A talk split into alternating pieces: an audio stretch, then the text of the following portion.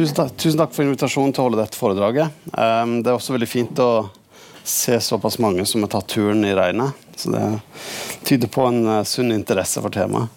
Um, så temaet er jo da uh, klimaendringene. Hva mener nordmenn? Så det jeg skal snakke om, er primært en studie som uh, vi jobber med nå, basert på en spørreundersøkelse som vi gjennomførte i 2021 altså i fjor. Eh, jeg skal også trekke sammenligninger til en lignende studie som vi gjorde i 2015, men hovedfokuset blir på eh, studien fra i fjor. Da. Eh, så denne Forskningen vår den gjør vi i forskergruppen LINKLIM, som holder til ved Institutt for fremmedspråk ved Humanistisk fakultet på universitetet.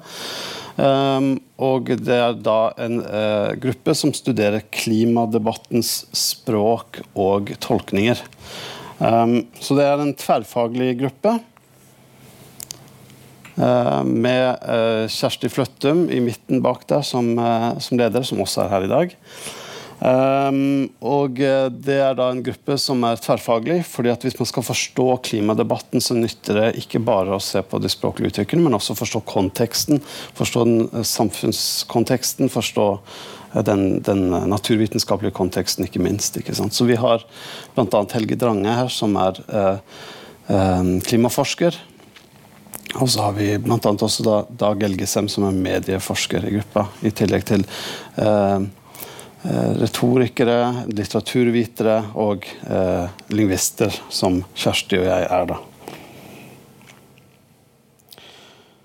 Så Mer spesifikt så studerer vi da språkbruk eh, relatert til spørsmål og debatter eh, om klimaendringer, energiomstilling og livsstil i et tverrfaglig perspektiv. Så Den tverrfaglige komponenten er da helt essensiell, og er jo den eh, kanskje delen som også er mest utfordrende, fordi at man kommer med veldig forskjellige teoretiske og metodologiske utgangspunkt. Men det gjør jo også at det blir langt mer interessant enn om man bare skulle jobbe innenfor egen disiplin.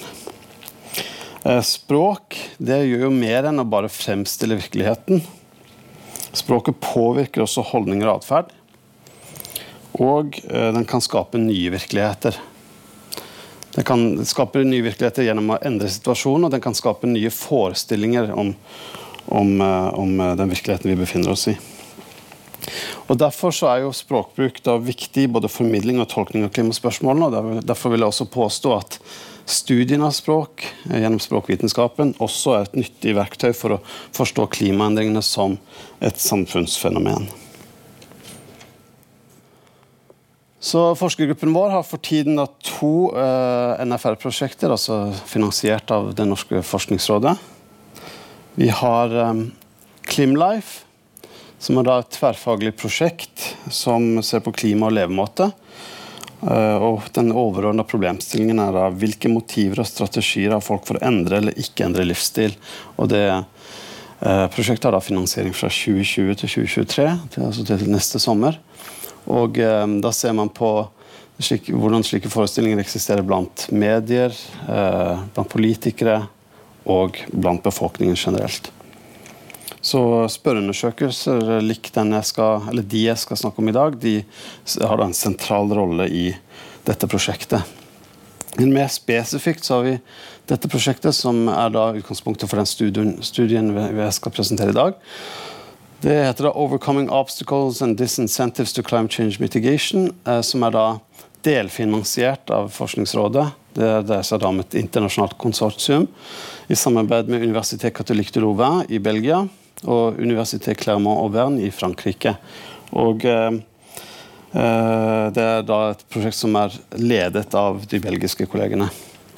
Så der er Kjersti og jeg med, og en, en uh, forsker som uh, har stilling hos oss, en midlertidig stilling ved Institutt for fremmedspråk. Så vi er tre, tre norske forskere i det prosjektet.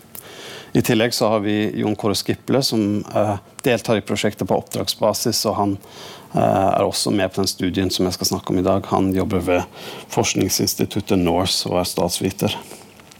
Eh, så dette, Den studien jeg skal snakke om i dag, blir da nettopp et eksempel på uh, viktigheten av tverrfaglighet uh, i tilnærmingene til,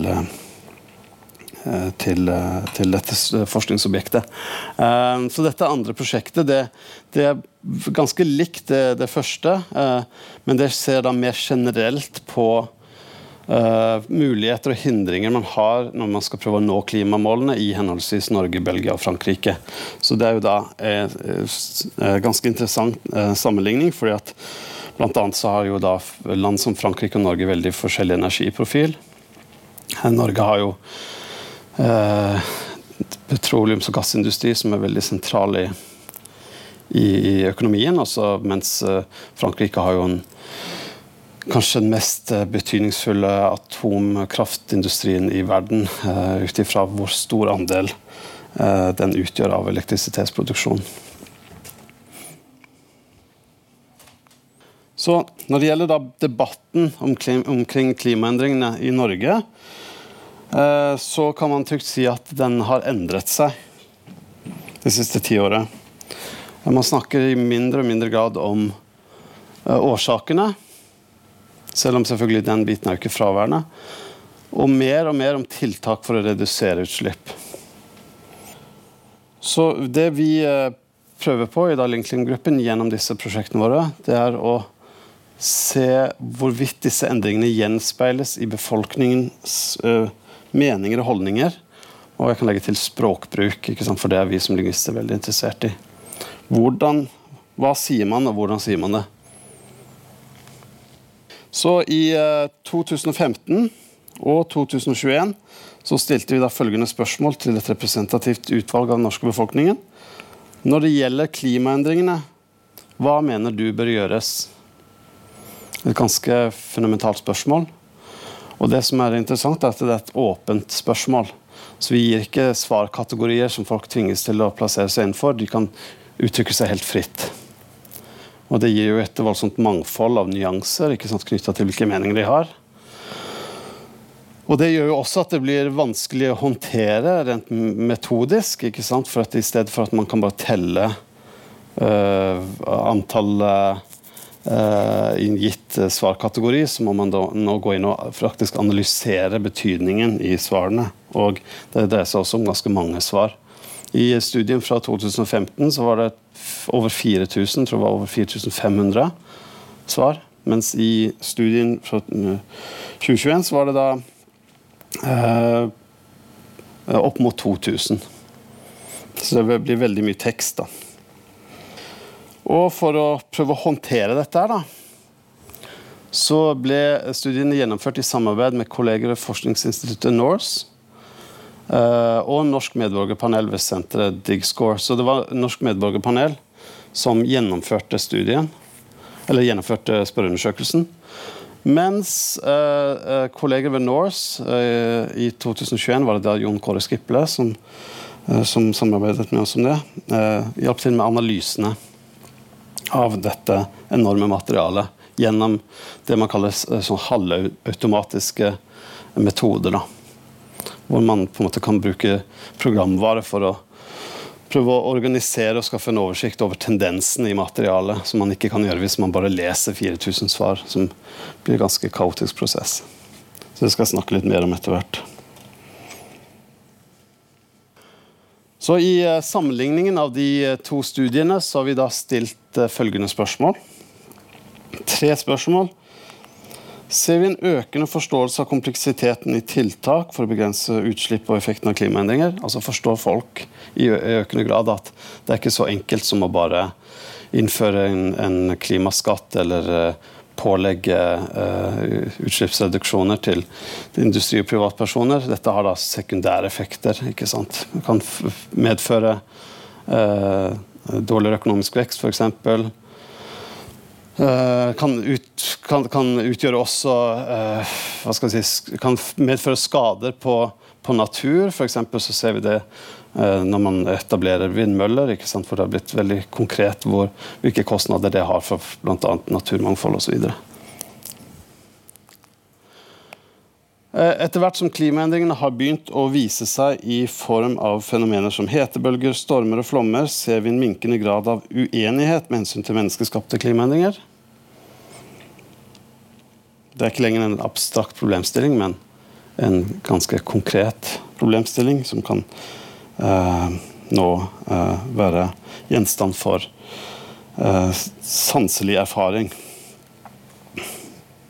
Og til slutt hvem har ansvaret for å gjennomføre tiltakene ifølge respondentene?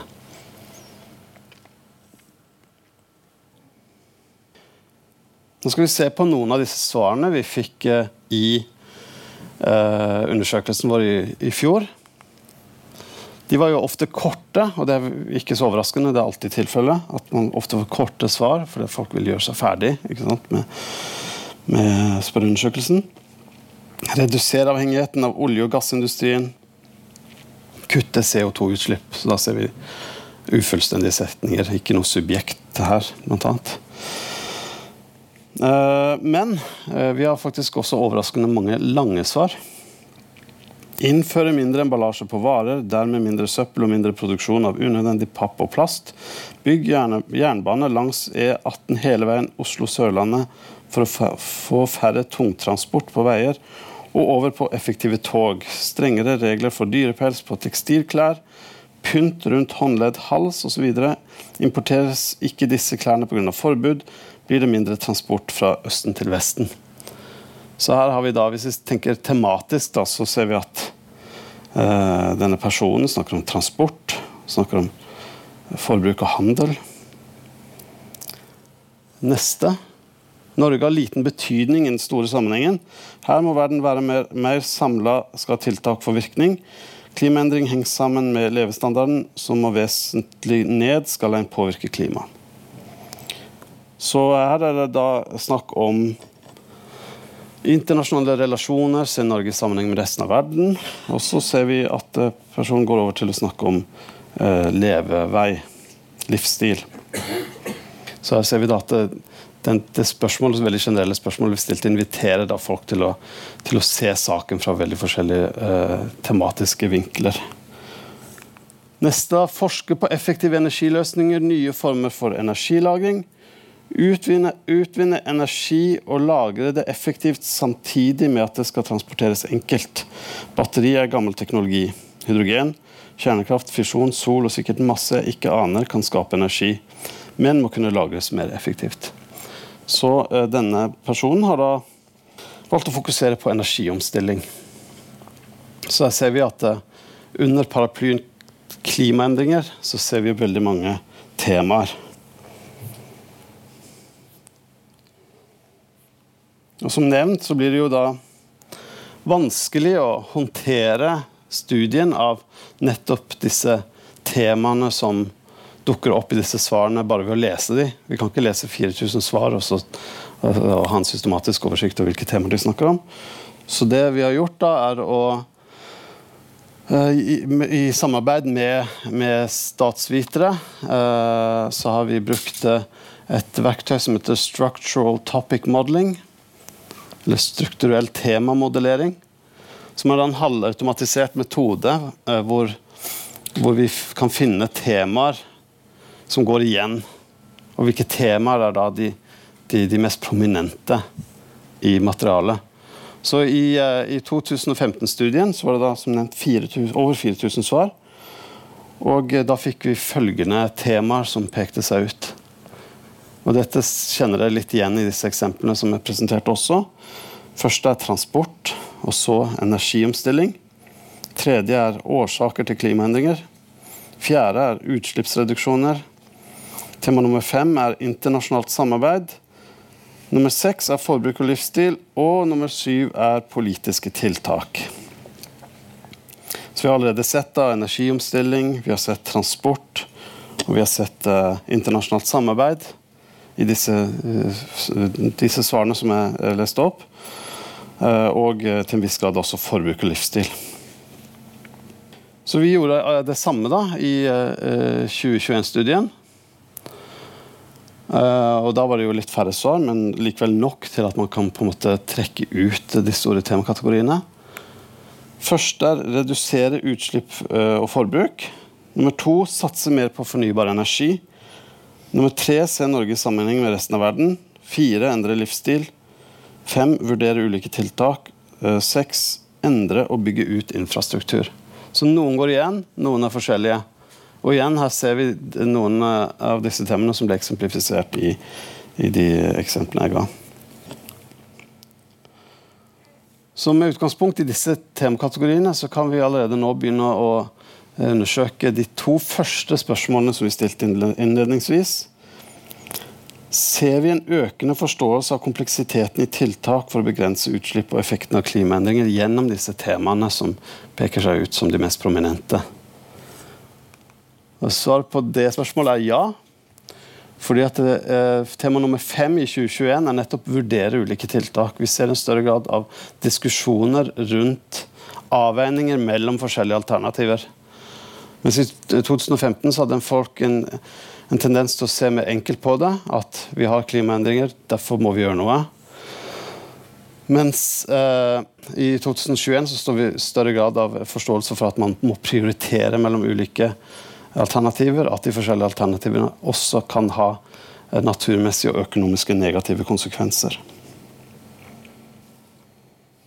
Så det, eh, Når det gjelder det andre spørsmålet, da kan vi også se at det er en minkende grad av uenighet med hensyn til menneskeskapte klimaendringer. Det er fordi at I 2015 så var årsaker til klimaendringer et, en av hovedkategoriene. Det var veldig hyppig diskutert.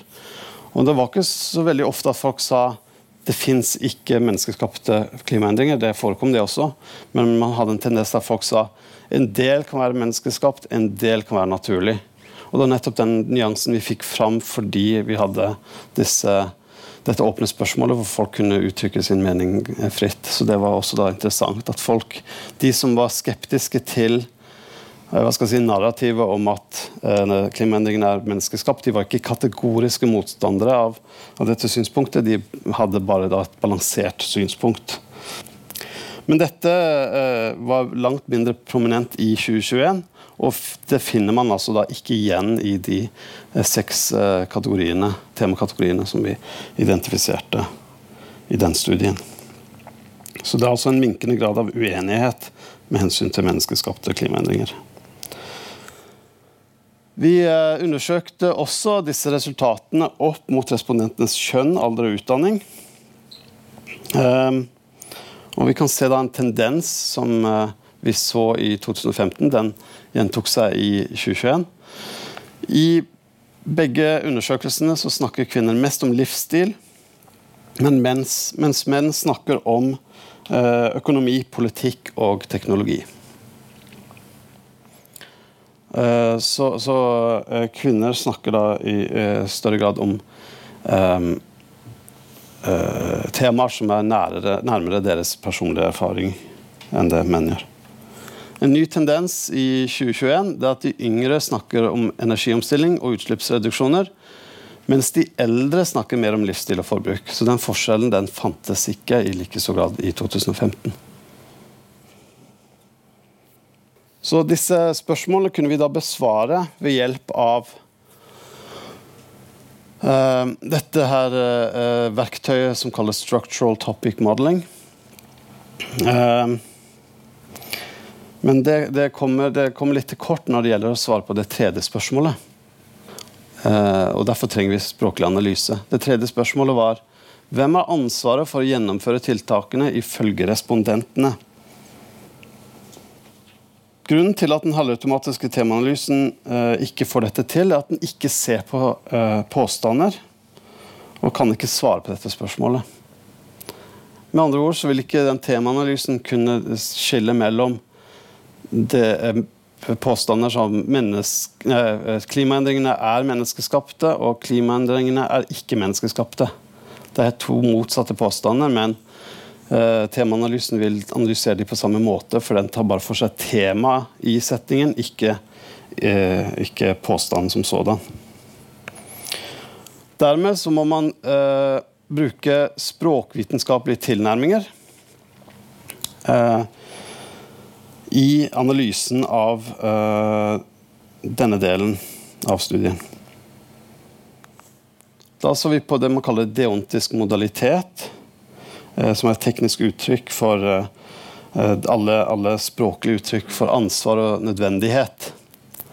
F.eks. modale verb som må, bør, burde og skal. Så har vi sett på okay, hvem er subjektet da, i setningene hvor disse uttrykkene opptrer. Og Da har vi gått igjennom og sett på alle forekomstene. Og vi har da sett at uh, vi uh, opptrer i nær sagt halvparten av tilfellene. Og så er alle uh, også ganske hyppig, mens andre aktører har varierende grad av hyppighet. Norge er ganske hyppig. Land, ofte i betydningen alle land eller andre land. Staten, politikere, er ganske prominent, men uh, så får man uh, minkende grad av uh, hyppighet for land f.eks. som USA, Kina. India opptrer ikke. Så store, betydningsfulle land for klimaspørsmålet opptrer nesten aldri. Og dette var da i 2021.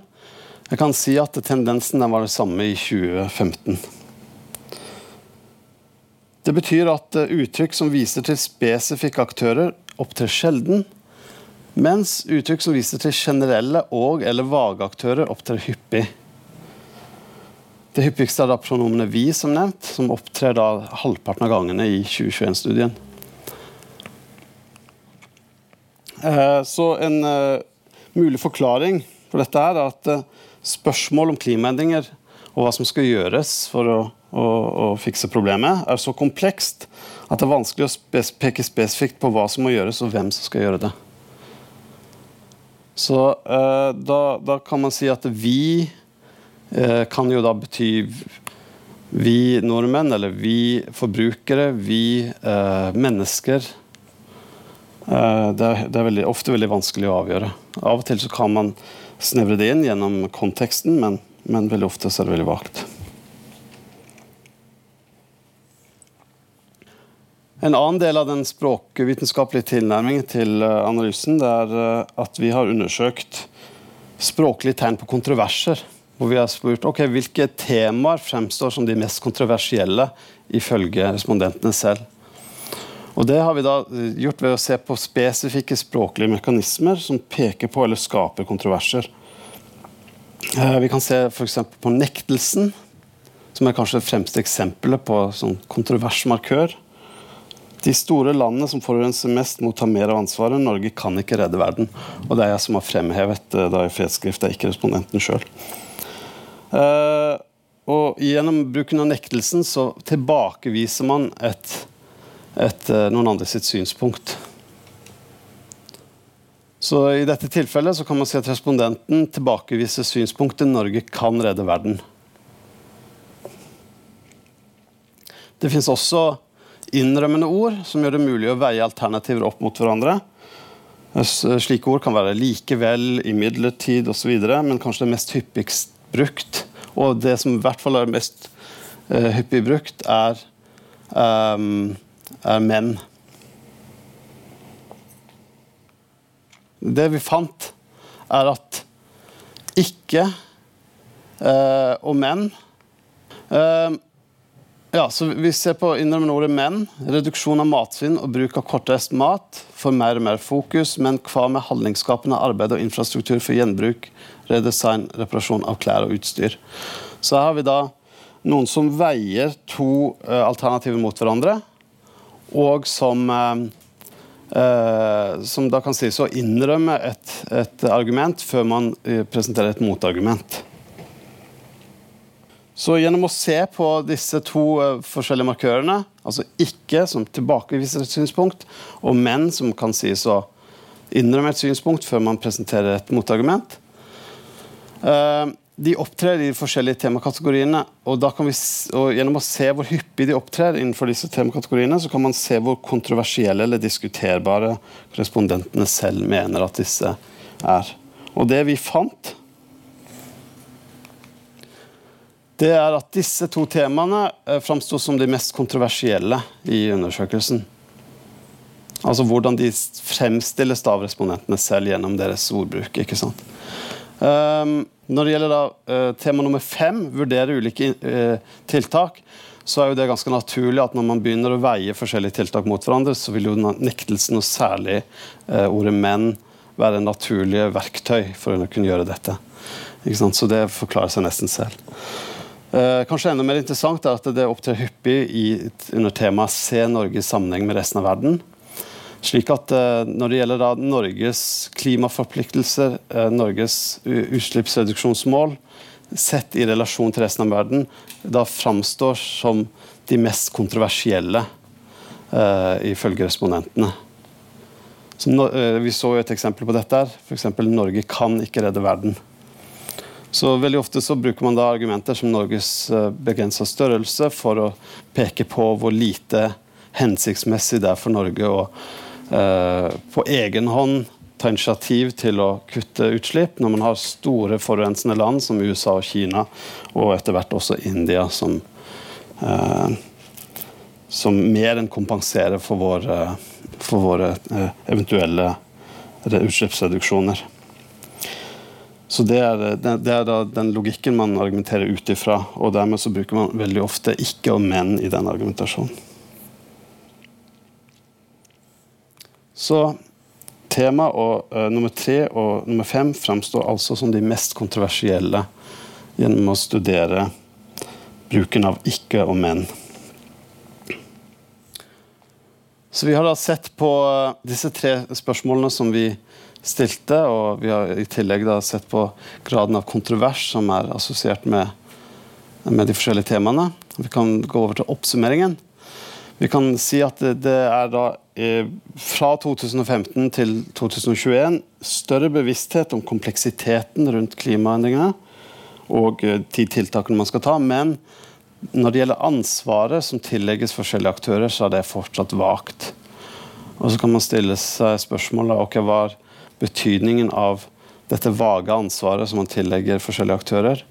Eller de vage aktørene faktisk som, eh, som fremstilles gjennom svarene er dette også da et politisk problem med tanke på at ingen ansvarliggjøres. ikke sant? Så det blir i det politiske systemet kanskje da liten grad av eh, hva skal jeg si, eh, insentiver eller grunn til å foreta seg noe. Så uh, igjen, Nordmenn tar hovedsakelig opp seks temaer når de snakker om tiltak mot klimaendringer. Redusere, redusere utslipp og forbruk, satse mer på fornybar energi, se Norge i sammenheng med resten av verden, Endre livsstil, vurdere ulike tiltak, endre og bygge ut infrastruktur.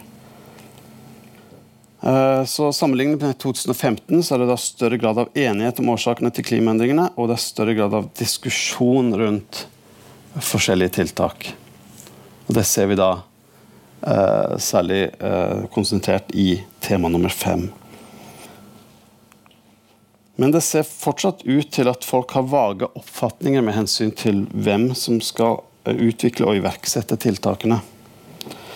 Så det er snakk, eh, som oftest snakk om et kollektivt og uklart vi. Det dreier seg om vi, de rike landene, vi Norge, vi forbrukere, vi mennesker. Eller dreier det seg rett og slett om eh, eh, hva skal jeg si, de kaller en manglende intensjonsdybde? At respondenten faktisk ikke har tenker så veldig mye over hva vi refererer til, og at det bare er et nyttig verktøy for å skape et slags sånn kollektivt ansvar eh, på, på vagt vis. Og ved å se på ordene 'ikke' og 'men', så kan man se hvor kontroversielle eller diskuterbare de forskjellige temaene fremstår. Og vi så da at vurdere ulike tiltak er høyt på den lista. Og det er jo klart at eh, det er jo det når man snakker om ulike tiltak, så bruker man veldig ofte ord som 'men', og kanskje ikke. Uh, og vi ser også at uh, Se Norge i sammenheng med resten av verden fremstilles som et kontroversielt tema i, i, i, blant respondentene. Hva er altså Norges ansvar i relasjon til resten av verden? Og dette er da utkrystallisert gjennom denne påstanden. Norge kan ikke redde verden. Det som er så fint med, med Norsk medborgerpanel, er at det er en uh, spørreundersøkelse som gjentas uh, år for år. Så vi kan uh, stille det, spørs det, samme spørsmålet gjentatte ganger. Og jeg mener at det er kanskje mer og mer relevant å stille nettopp dette spørsmålet i lys av senere tids utvikling. Eh, vi kan stille spørsmål som eh, om man vil se en økt oppslutning om energiomstilling i lys av dagens sikkerhetspolitiske situasjon. Altså Man forstår at at energiprisene går opp, energitilgangen svekkes gjennom konflikt og krig på det europeiske kontinentet, hvor da energi nettopp brukes et, makt, i et maktpolitisk spill. Det vil ikke være bedre om folk vil være selvforsynt med f.eks. solkraft eller andre former for fornybar energi.